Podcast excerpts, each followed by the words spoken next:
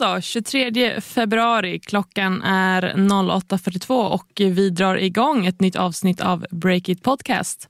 Åsa Johansson heter jag som sitter här och mitt emot mig har jag Martin Hävner. Inte Stefan alltså, han är ute i Alperna och åker skidor den här veckan. Ja, det är jag som är Stefan höll jag på att säga. Det är du som är Stefan, Känns, ja. jag vet inte riktigt hur det känns, men eh, jag är vikarie till Stefan. Vi får nöja oss med det. Ja, vi är så glada över att du är här i alla fall. Välkommen eh. Martin. Men du har ju varit med i eh, Break It Podcast Några gånger förut, har jag fått det. Ja, absolut. Vi har ju vårt eh, upplägg med eh, veckans möten, veckans snackisar och veckans köp och sälj. Exakt. Så ja, men jag, jag tar ton, tänker jag, med mitt möte. Jag har snackat med eh, Evelina Antila den här veckan.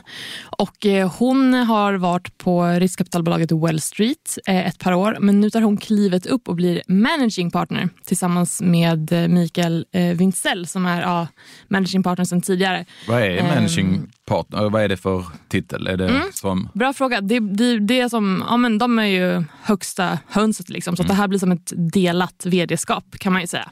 Fattar? Och, eh, ja, så hon tar klivet upp nu, vilket är jättekul för henne såklart. Men någonting som jag tyckte var väldigt intressant när jag snackade med henne är att så här, nej men hon sticker verkligen inte under stol med makten som investerare och riskkapitalbolag har. Och Det var så jäkla skönt att hon nej men snackar så öppet om det. För många gånger så kan, nej det är klart att, att investerare och riskkapitalbolag pratar om sitt ansvar. Men jag upplever det som att det är mest när det har varit en så här, ja men nu har vi inv- investerat i ett impactbolag. Då liksom så här, okej, titta. De vanliga flosklerna? Eller Ja, men Mm. lite så. Men hon pratade verkligen om så här, ja, men de har ett sånt himla stort inflytande i, i vilka som formar vårt samhälle och bygger vår framtid. Eh, och Det här handlar inte bara om att skapa avkastning utan driva förändring.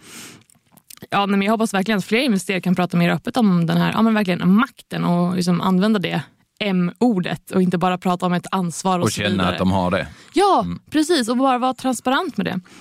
Och Det pratade eh, Evelina om också, att nej, men de går ju in så himla tidigt i bolag också.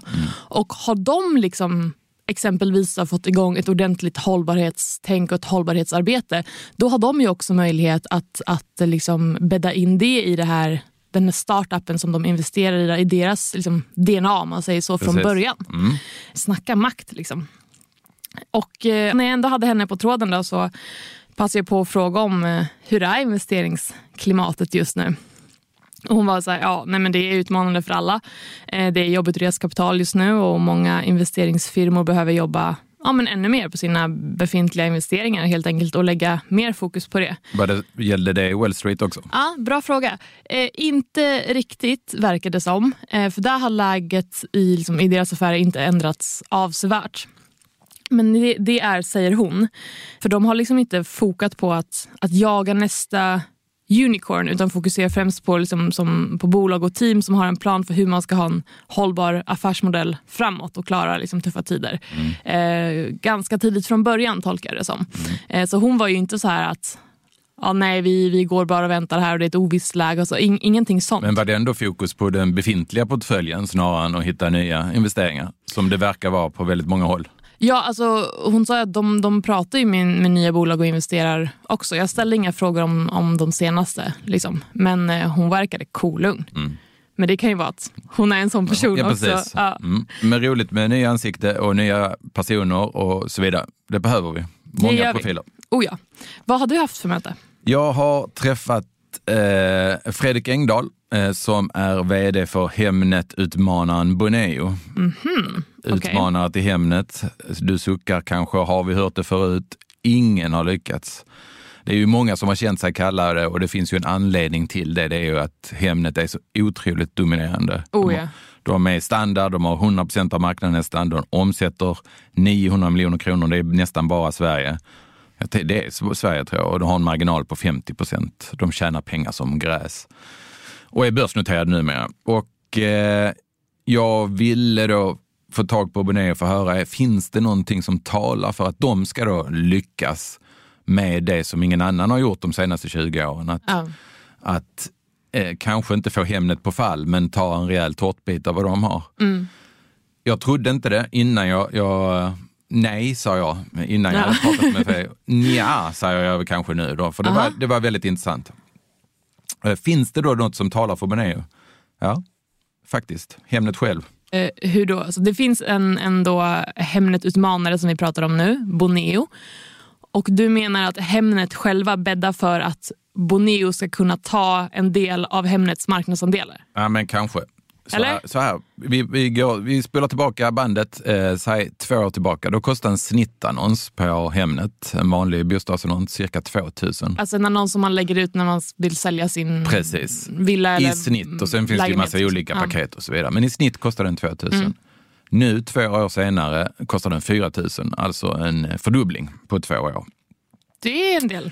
Ja, men har du nästan 100% av marknaden så, och du ska växa och du har krav på att växa så är ju prishöjning i princip det enda, enda alternativet. Du kan införa lite nya produkter och så vidare. Men pris, ta mer från de befintliga kunderna är ju receptet då. Det sker x antal affärer i Sverige, bostadsaffärer i Sverige och då, då måste du utvinna mer av den. Och den utvecklingen, prisutvecklingen måste fortsätta. Det det säger bolaget själv enligt sina finansiella mål. Lönsamheten ska bli ännu mer. Det kommer från eh, krav från ägarhåll. De har en ny storägare i form av Didner Gerge vars förvaltare Per Johansson som är ny på Didner Gerge har tagit en jättepost här när General Atlantic sålde och har liksom framfört att priset måste upp för att tillväxten måste fortsätta och då kan de tjäna ännu mer pengar. Men hur kommer då Boneo in i bilden? Jag kommer till det, men det snackas om att priset ska gå upp från 4 000 till, till typ 10 10 till 15 000 per annons under de här nästa, nästkommande åren. Jag vet, inte, jag vet Oj, att det är mycket. Men vadå nästkommande år? Pratar vi liksom om, Ja, om det två år eller pratar vi typ tio år? det, där, det är nästan egentligen kärnfrågan.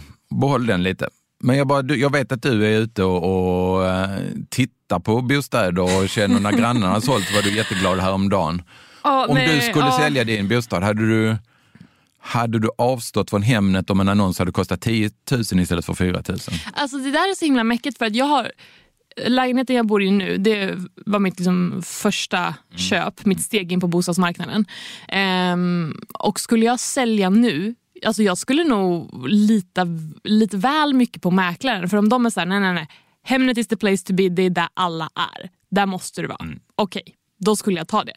Men om de också skulle säga så här, men nu finns den här plattformen och typ det är mängder av folk här också, du måste vara här med. Då, men, alltså, vad, Ja, men det är exakt där med eventuellt i Ja. så fall. Men du hade ju inte skippat om du, du ska sälja din lägenhet för x antal miljoner. Då hade du inte sagt, nej men jag skippar det, går priset upp från 4 till 10. Jag tror Ah, eftersom du nej. gör den enda affären enda gång. Hur som helst, Ja. så tror jag många resonerar. Jag hade resonerat så, de där extra tusenlapparna hade kunnat göra att få ytterligare två, Ja. tre, fyra, fem budgivare och då Exakt. går det ju hem med råge. Men det som är lite intressant nu, nu svajar ju det lite. Annonsvolymen gick ner i Hemnets senaste kvartal. Nybyggnationen är helt borta, så de kommer inga annonser där. Och då kanske då Hemnet-ledningen kanske blir lite väl frestade att höja priserna snabbare. Det var det du frågade om, det var två eller tio år. Ja. Om de då frestas att få upp priset till 10 000 på ganska kort tid, då kanske det händer någonting med säljarna, alltså vi konsumenter och framförallt mäklarna. Och då står Boneo där, säger de, och är intressanta, för de är ju ett alternativ då. Men den här Fredrik Engdahl då, som du pratade med som är vd för Boneo, vad, vad sa han då? Står de liksom och väntar på att Hemnet ska höja priserna? Eller vad är, Ja, vad är han, deras lite, plan? han fattar ju att Hemnet har ju två in, intressegrupper. De har dels sina aktieägare som de måste göra glada, men också mäklarna. Och gör han inte mäklarna så är han där som ett alternativ. Och det är han fullständigt klar alltså han, han säger, jag behöver inte visa upp vinst och så vidare, jag ska gå runt ungefär. Ja. Men jag måste finnas där som ett alternativ för att Hemnet inte ska gå för fort fram i sina prishöjnings... Men gör de det? Och det intressanta nu, nu har jag sett att massa Hemnet-chefer har börjat sälja aktier. Igår kom det att Cecilia Beck-Friis hade sålt för nästan 9 miljoner. Så kanske det är, det börjar, det är någonting som händer där. Och Eh, hon Cecilia Beck-Friis, är hon vd? hon är vd för Hemnet, ja. Eh, Men Boneo ska då ta in nya pengar från ytterligare mäklarfirmor, för det är sju mäklarfirmor som äger det här. De ska få in nya eh, mäklarfirmor och då eh, göra en reklamkampanj just för att bli lite mer kända. Det är fortfarande David Goliat historia detta, givetvis. Men kanske, kanske David, eller vem är det som är liten? Det är, det, det är David va? Ja. Det är jätten som är ja, nu sätter du mig på pottan här. Jag tror det. Ja. Mm. Den här texten håller jag på att skriva ner nu, eh, för det finns många intressanta inslag i det. Eh, jag hoppas att den kommer ut senare i veckan. Ja, Då håller vi tummarna för det. Eh, den kommer snart i alla fall på breakit.se. Då är det bara in och läsa. Ska vi rulla vidare till våra snackisar? Såklart. I morgon, 24 februari, är det ett år sedan Ryssland invaderade Ukraina.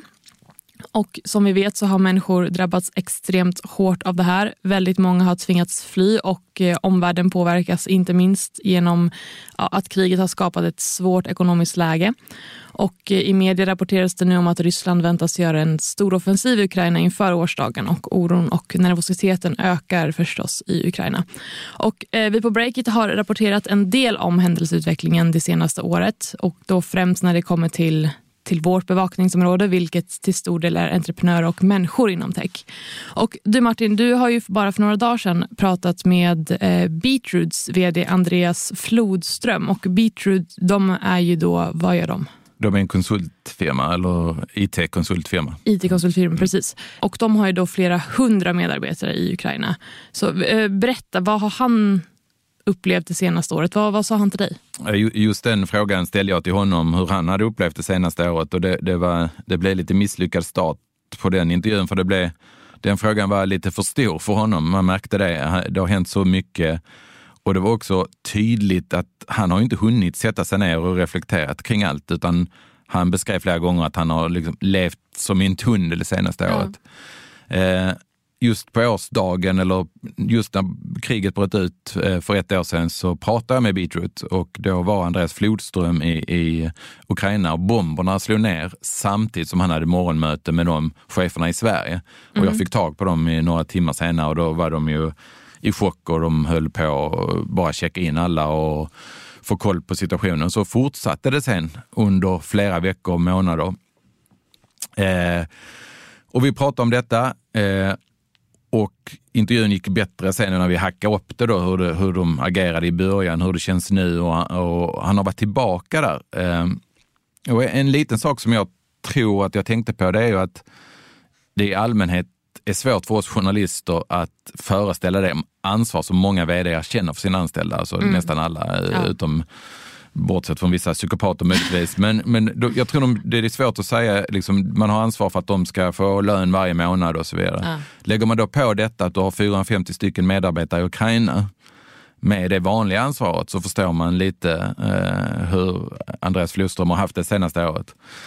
Eh, en annan sak som han sa var rätt intressant, för han har varit tillbaka i Ukraina, var då när eh, ryssarna blev bortkörda från Kiev och eh, västra delarna av landet ut mot östfronten igen.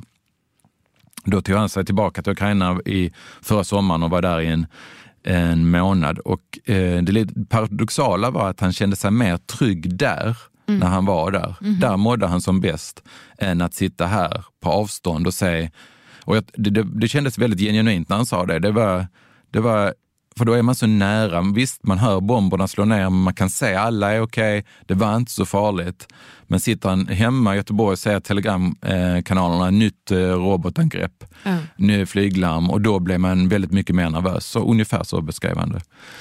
Det var eh, väldigt eh, intressant att höra vad han sa. En annan sak, han har bott i det här landet i tio år, i Ukraina, flyttat mm. dit och vilka förbättringar han har sett i landet. Eh, framför allt när det gäller mindre byråkrati. Han sa bland annat att det är mycket lättare att ha att göra med den ukrainska staten än med den svenska numera. Och bland annat var det tack vare en app som hade tagits fram eh, efter att Ukraina satsat på digitalisering för ett par år sedan. Jag tror ja. att de till ha ett digitaliseringsministerium.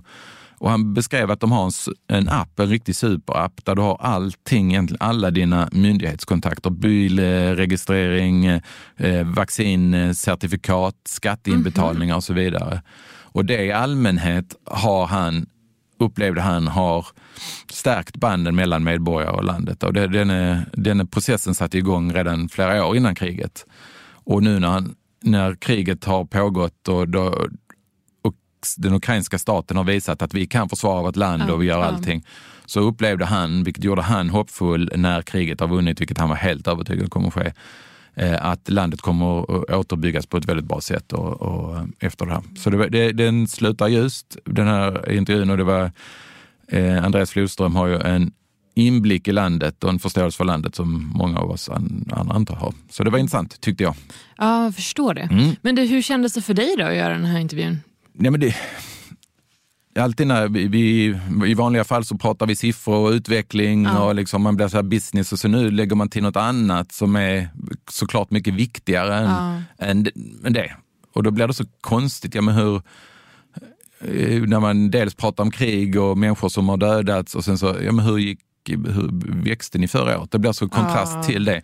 Men som han sa, det är också viktigt att de kan hålla igång verksamheten, kan hålla igång företaget och anställa när många andra har blivit eh, arbetslösa i landet.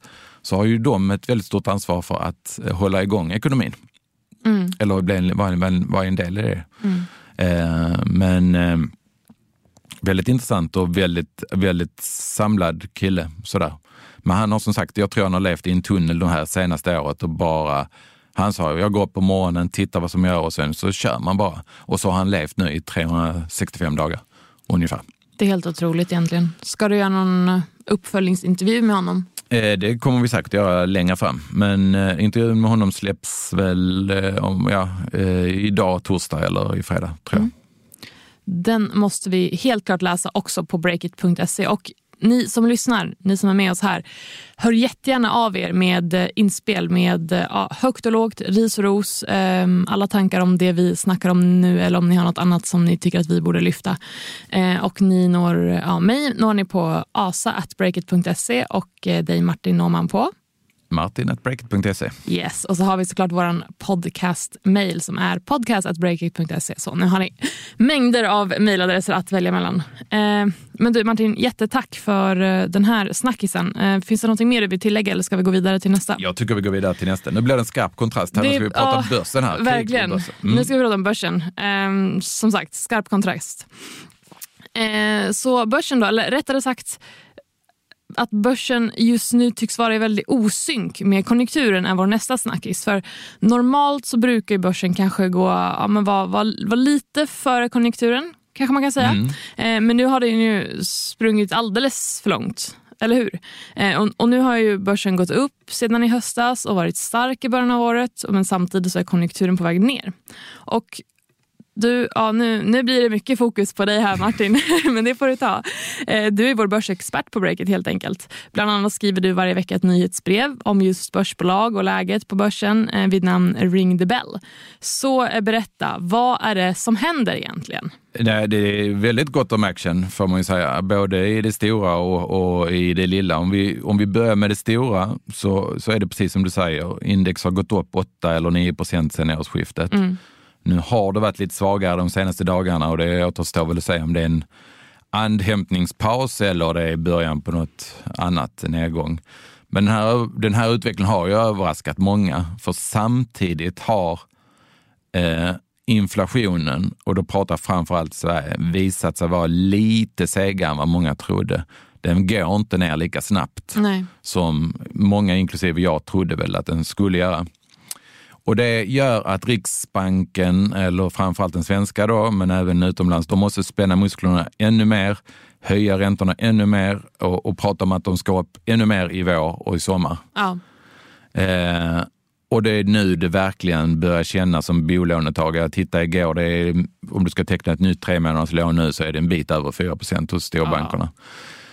Ja. Eh, och jag tror att många av konsumenterna har naggat på sparbuffertar under hela 2022. Kanske det mm, börjar mm. gå ner då och man, man, hade lagt undan kanske lite under de goda åren och så har man långsamt anpassat livet efter det. Men eh, frågan är hur, hur stora buffertarna är och hur långt man är villig att knapra på dem. Och nu när då matpriserna, det slutar inte och sen tre månader. Det, det råder ingen tvekan om att alla konsumtionsnära bolag kommer få ett det här är ju ingen överraskning, det har vi hört många gånger, men de kommer få ett väldigt tufft 2023, hela året. Garanterat. Så den gamla kärn, alltså kärnfrågan i det här, vilket du kanske undrar, men hur kommer det sluta? Det är ju, kommer inflationen gå ner utan att ekonomin verkligen knäcks av räntehöjningar och prishöjningar. Men vänta, när du säger att ekonomin verkligen knäcks, vad betyder det? Alltså rent praktiskt för...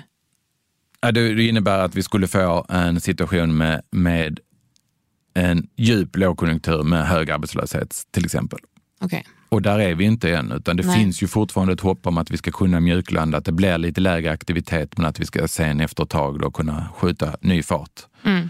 Eh, men om nu Riksbanken höjer ytterligare några eh, gånger eh, och vi konsumenter slutar verkligen, vi har dragit in, men om vi då verkligen drar in att det, det kommer till slut sprida sig, att folk kommer att säga upp folk. Mm. Eh, jag vet inte, restaurangnäringen har ju gått väldigt, väldigt bra hittills. Ja. Eh, om det kommer dit och det blir många som blir arbetslösa. Om det är det som kommer, kommer att krävas för att inflationen ska gå ner. Men, men du, för du säger att, att alltså, konsumtionsnära bolag kommer få tufft 2023. Ehm, finns det några exempel på bolag som, som finns på börsen som du tänker att det här, det här är inte bra för dem? Nej, men alla e-handlare, eh, de har väl gjort det ganska bra. De har tagit, alltså nu Q4 var ju bra i många fall. Intressanta där för övrigt när du nämner det var ju att jag tror i åtminstone tre fall Eh, Revolution Race, Lyko och eh, Söder Sportfiske. Det är inget jättestort bolag, men det intressanta där Mm. det var att de tyckte eh, de vittnade om att det gick ganska bra ute i Europa, alltså för dem i Tyskland till exempel. Och i Tyskland då har man lite längre bolån. Jag tror det standard där är när du tar- eh, en bostadsaffär så är det 5-10 år. Eh, och Sverige är så extremt räntekänsligt. Ja. Jag tror den svenska marknaden kommer vara värst för många av e-handlarna. Så att många av dem borde egentligen, om det går, att söka sig ut för att hitta omsättning kanske eh, på annat håll. Jaha, men kan vi få se någonting sånt då? Att som svenska e-handlare, även om de har liksom, det finns ju exempel mm, på flera stycken, exempelvis Revolution Race då, som är, är rätt stora i Tyskland. Ehm, men finns det exempel på, eller inte exempel på, men kan vi komma att se att svenska bolag vill röra sig utanför landets gränser och verka i andra länder just för att man vet att nej, svenskan håller så himla hårt i plånkan? Kanske att vi har blivit fattigare tack vare vår då stora exponering mot bostadsräntorna och bostadsmarknaden. Eh, Det är möjligt, men sen man, man snyter ju inte en, en expansion till Tyskland och näsan sådär. Det kostar också pengar.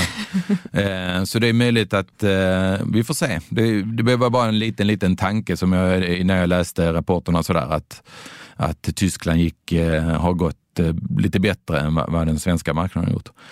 Eh, Men så det står, jag säger alltid det, det står alltid och väger eh, på börsen. Det, Ja. Så känner man alltid, men det gör det verkligen nu. Sen är också, i det lilla har vi massor intressant. Eh, Truecaller kom en hemsk rapport den här. En hemsk rapport En hemsk rapport, nästan ingen tillväxt om man räknar bort valuta och detta är då ett bolag som har, innan rapporten så var det väl 10 miljarder i börsvärde eller någonting. Eh, vi har budet på Readly, Bonniers, om det kommer att gå igenom och vi har samgåendet med CDON och Fyndik och svaga eh, rapporter då från Peers, en e-handlare, vi har Kjell Company, vi har ett helvete. Detta är bara vår sektor, eh, Ja. det vi brukar bevaka på Breakit. Så att eh, mycket action och mycket intressant och det är därför det är så roligt att följa. Ja. Alltså jag, jag tänkte på det här om dagen. Jag kan inte minnas när jag senast skrev om eller intervjuade ett bolag som gjorde sig redo för börsen. Nej, det är ju, har ju varit eh, helt dött det senaste halvåret. Ja, men Eh, helt locket på. Och det är tråkigt på ett sätt att det var ju så väldigt, väldigt många som skulle in där våren 2021. Det var det ju börsnoteringar var varannan dag. Ja, nej, men då var det ju ingen grej längre. Då var, för innan upplevde jag det så här, man bara, "Ah, spännande med en börsnotering. Men sen plötsligt var det så här, ja, en till börsnotering. Okej, vi skriver väl liksom. Nej, det är synd för det är ju ändå det är ju roligt. eh, Det blir en rolig grej att skriva det här bolaget kommer till börsen och vi beskriver vad det är och vad de vill göra och så vidare. Men det var ju löjligt hett då 2021 och de kunde ta helt för höga priser när de gick in, eh, har det ju visat sig i efterhand. Okej, så slutsats då. Börsen står och väger. är det det vi kan säga? Herregud, har du kallat in mig? Men ja, jag säger inte mer än så. Jag tycker att vi rullar vidare in på våra veckans köp och eh, sälj.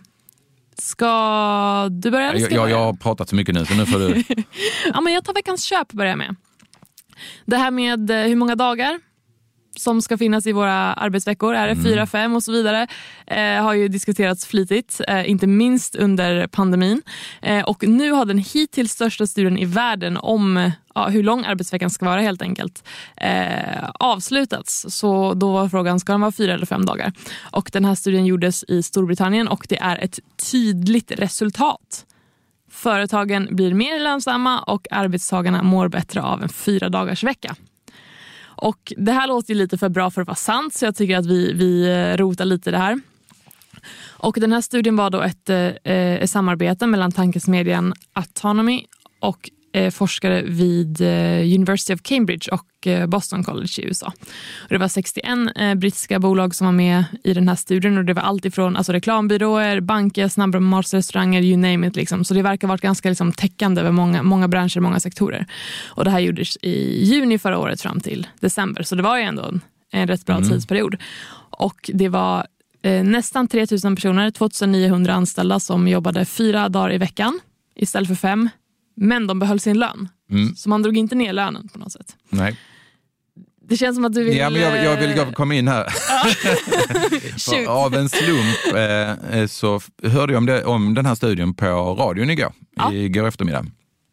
När jag stod och diskade eller någonting så kom det här. Och då hade de med en professor, eh, någon, jag kommer inte ihåg var, om han var från Lund eller Uppsala, men han, han tyckte den var intressant, studien sådär, men han betonade en sak och det var att den här aldrig hållit för vetenskapliga krav för att den var gjord för, under, under för kort tid. Ah, så att de här sex månaderna som gjordes, det är inte tillräckligt? Ja, men han sa alltså, det är ju ändå intressant resultat. Men det hans poäng var också att i början om du gör en sån här förändring så är alla wow, vad roligt, att, eller vad Ja, skoj men att vi bara klart. får jobba. Nu ska jag visa att ni inte behöver mig den femte dagen, att jag kan vara lika effektiv under de här fyra dagarna. Ja. Och han ställde en relevant fråga, vad händer när det här blir standard och det har gått ett tag? Alltså när det har gått ett, två, tre år. Får, får man lika mycket uträttat då under de här fyra dagarna som man fick under de fem? Att man har blivit så mycket effektiv. Jag vill bara säga det nu Ja, du... bra inspel. Ja, men jag alltså för att säga emot det för att vara lite djävulens advokat. Varför inte? För det är så att vi har haft en fem dagars vecka så länge. Det är så här, ja, men va- varför har vi haft det? Ja, men det är uppdiktat av människan. Liksom, vi kan ju lika gärna köra en fyra vecka. Och nu kör vi på det här. Det är någon som får bestämma det här. Så kör vi på det. Ja, men det, det är helt, jag håller helt med om, men det är nästan en annan filosofisk förklaring, eller liksom Ja, en annan visst. diskussion. Eh, alltså varför, har vi, varför, varför ska vi vara lediga lördag, söndag? Alltså, Ja, och det har ju inte ändrats. Nej. Och ändå har ekonomin växt hur mycket som helst och vi har blivit mycket mer effektiva. Vad ska vi göra med all den effektiviteten? Det alla vill ha det är ju tid egentligen. Ja, oh ja. Så, Men, men hur känner du? Skulle du vara taggad på att köra fyra dagar istället för fem? ja, men alltså, det vill väl alla? Alltså, ja, exakt, exakt. Det är det Alltså jag menar. om, man, om det skulle innebära, sen, sen måste jag erkänna det, det hade ju inneburit att min produktivitet, jag hade ju inte, det hade inte du heller, du hade inte skrivit lika många artiklar som om du hade eh, jobbat fem dagar. Din produktivitet hade gått ner. Alltså, produktiv, alltså ja, men effektiviteten hade nog Ja, men gått hade, upp. ja, tror du att du hade, om du skriver, eh, vi säger, vi säger bara för att göra det enkelt, tio artiklar en vecka, så Mm. Ja. skulle du skriva, rent matematiskt skulle du skriva åtta då.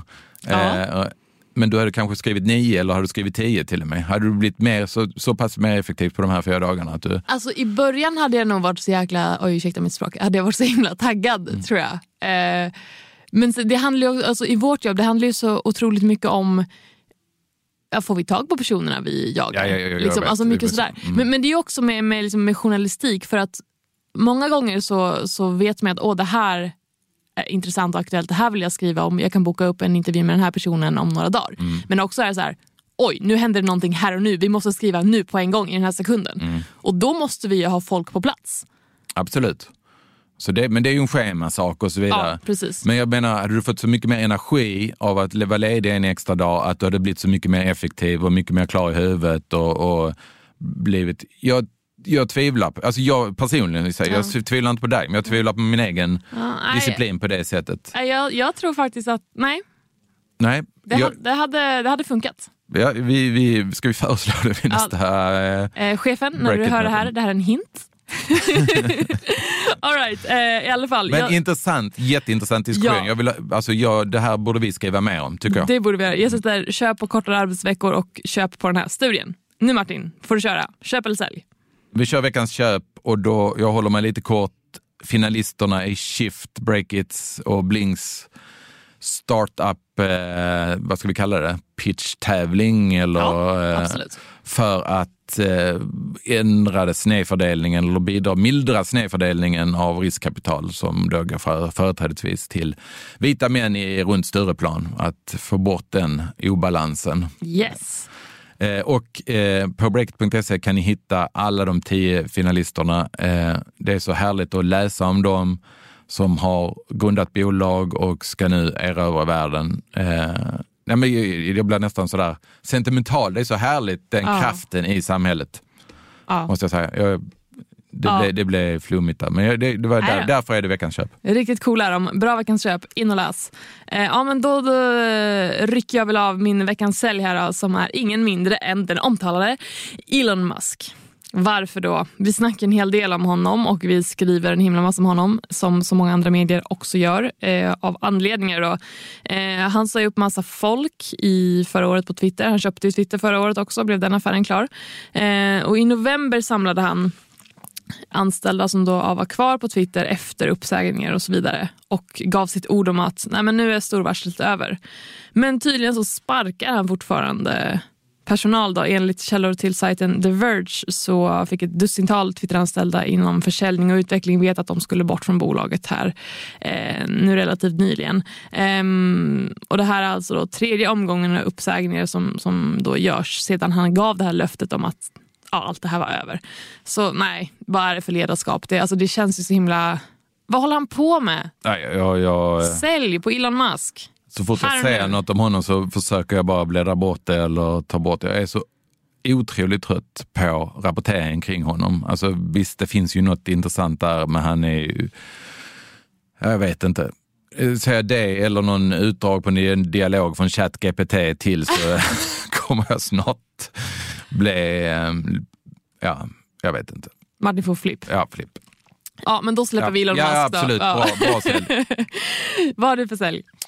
Jag tyckte det fanns en del att välja på, men jag sätter eh, Daniel Ek. Han har fått en del eh, negativa rubriker på breaket. Han får en, en till, men eh, det kan inte hjälpas. Spotify grundad, han investerade 100 miljoner kronor i miljöteknikbolaget Swedish Sterling som börsnoterat och det har nu kollapsat. Eller de fick inte igång någonting och nu ska de avveckla sig själv.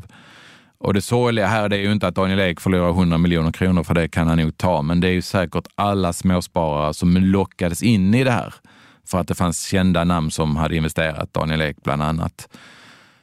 Och återigen ett miljöteknikbolag som, som eh, fallerar. Eh, det har vi sett förr på börsen. Många, många, många som får, liksom, kommer med någon banbrytande teknik, blir jättehett och sen funkar det inte kommersiellt. Det här bolaget hade 18 000 ägare nu som har förlorat sina Oj. insatta medel eller sina satsningar på det här. Eh, Men det visar återigen, gör din egen analys och gå absolut inte på att det finns kända namn i ägarlistan. Daniel Ek kanske bara, han har väl investerat en mikroskopisk del av sin tid i det här och tyckt att det låter bra eller fått det rådet. Och liksom, det är, så gå inte efter det. Det är väl ett eh, eh, sensmoralen i detta. Stark sälj ändå på Daniel Ek. Tack för det. Ja.